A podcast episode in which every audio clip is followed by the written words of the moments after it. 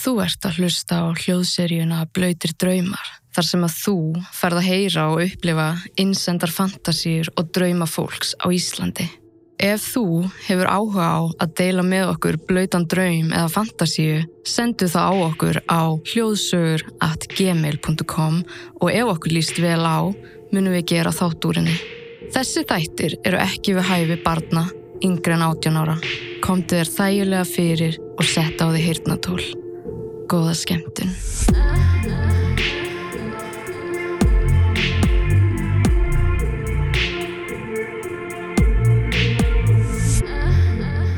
Við fengum innsendar nokkrar fantasíur frá hlustendum og viljum við þakka öllum þeim sem senda á okkur. Margar af þeim voru mjög góðar en var einn sem stóð sérstaklega upp úr. Sú fantasía sem varð fyrir valinu er mjög áhugaverð og kemur frá mannesku sem vil láta kalla sig Varginja. Hennar fantasía er ekki hefðbundi fantasía, heldur draumur sem henni hefur dreymt oftar en einu sinni. En ég ætla ekki að tefja þetta lengur. Komdu þér þægilega fyrir, lokaðu augunum, hlustaðu vel, því nú mun hljóðrænt ferðalag draumsins hefjast.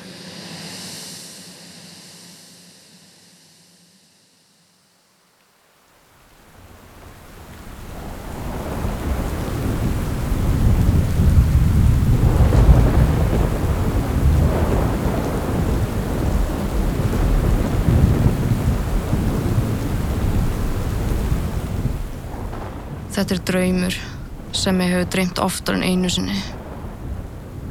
Það er mjög dimmt úti, mikil rigning, þrjumur og eldingar sem lýs upp umhverfið í tungspyrtunni. Þetta er ekki svona venjuleg íslensk rigning því hún er alveg loðrétt. Stórir og mikli rigningadrópar hrapa á gangstýttuna, falla þungt niður í kringum með alla.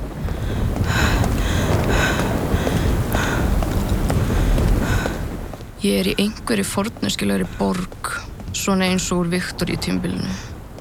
Húsin eru þjættbyggð og standa tignalega með oddkvössum og bröttum þökum. Þetta er allt saman mjög raunverulegt, nánast raunverulegra en sjálfur raunveruleikin. En það er eitt sem er mjög skrítið. Ég þekk ekki sjálfa mig. Þetta er ekki ég þá mæna ég með því að ég upplifi mig sem áhorfanda í fyrstu personu í gegnum manneskuna sem er í drömnum. Þetta er eins og ég sé að upplifa eitthvað annað líf. Ég er einhver önnur manneskja. Ég er ung kona, klætt í svörtum og rauðum kjók. Ég er í hvítum háum sokkum og í reymum spariskóm úr brúnu leðri og geng með kassatösku á bakinu. Ég geng rösklega í gegnum borgina. Það er engin á vappi og það er slögt inn í öllum húsum. Mér líður eins og ég sé að verða á sein einhvert og mér líður eins og ég þurfa að komast út frá borginu sem fyrst. Ég er alein og ég finn fyrir smá óta og einni örvæntingar fullir spennu sem ég get ekki alveg líst.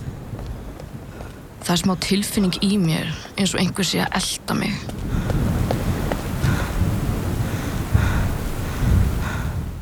En ég sé engan fyrir aftan mig. Því fjær sem ég geng frá borginni, því betur líður mér. En á sama tíma verð ég einni mér að spennt. Mjög skrítin tilfinning sem erfitt er að lýsa hér með orðum.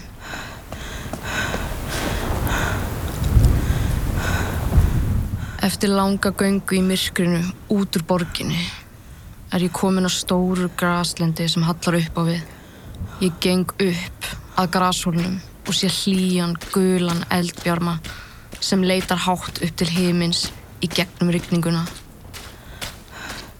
Grasið er rennandi blöytt og er meira svona eins og mýri og ég finn sterka moldalikt, smá eins og með svíði í nefun af henni.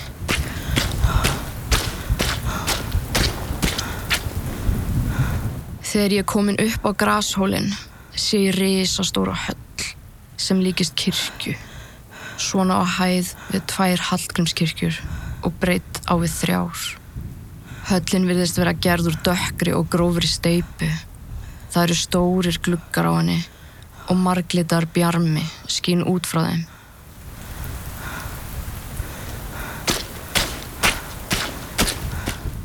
Höllin er minnstuð formum, formum sem ég aldrei séð áður. Svona eins og þetta séu form eða tákt sem eru komið frá öðrum veruleika.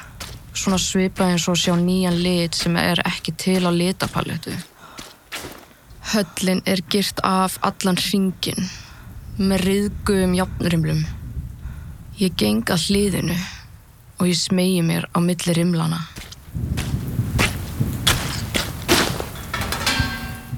Ég sé höllina betur og eru aldirnar svona cirka 100 metrum frá mér. Ég gengi áttin að inganginum og hörðum fleti sem líkist svörtum marmara. Og undir marmaraflísunum finn ég fyrir sérkennlum výbringi og hita.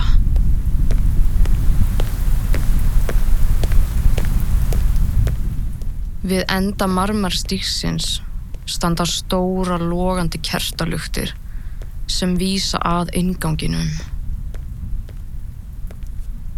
Ég er komin að hurðinni sem er um þrýr metrar á hæð. Það er stór krækja á hurðinni sem ég nota til að banka með.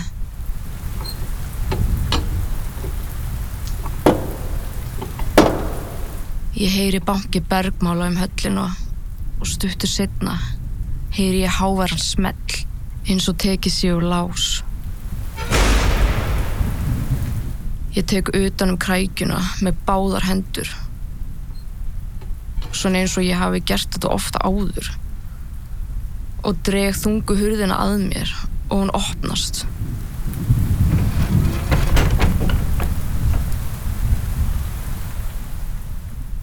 Ég sé inn. Höllin er stærri en ég átti vona á. Ég geng inn og hurðin lokast sjálfkrafa á eftir mér.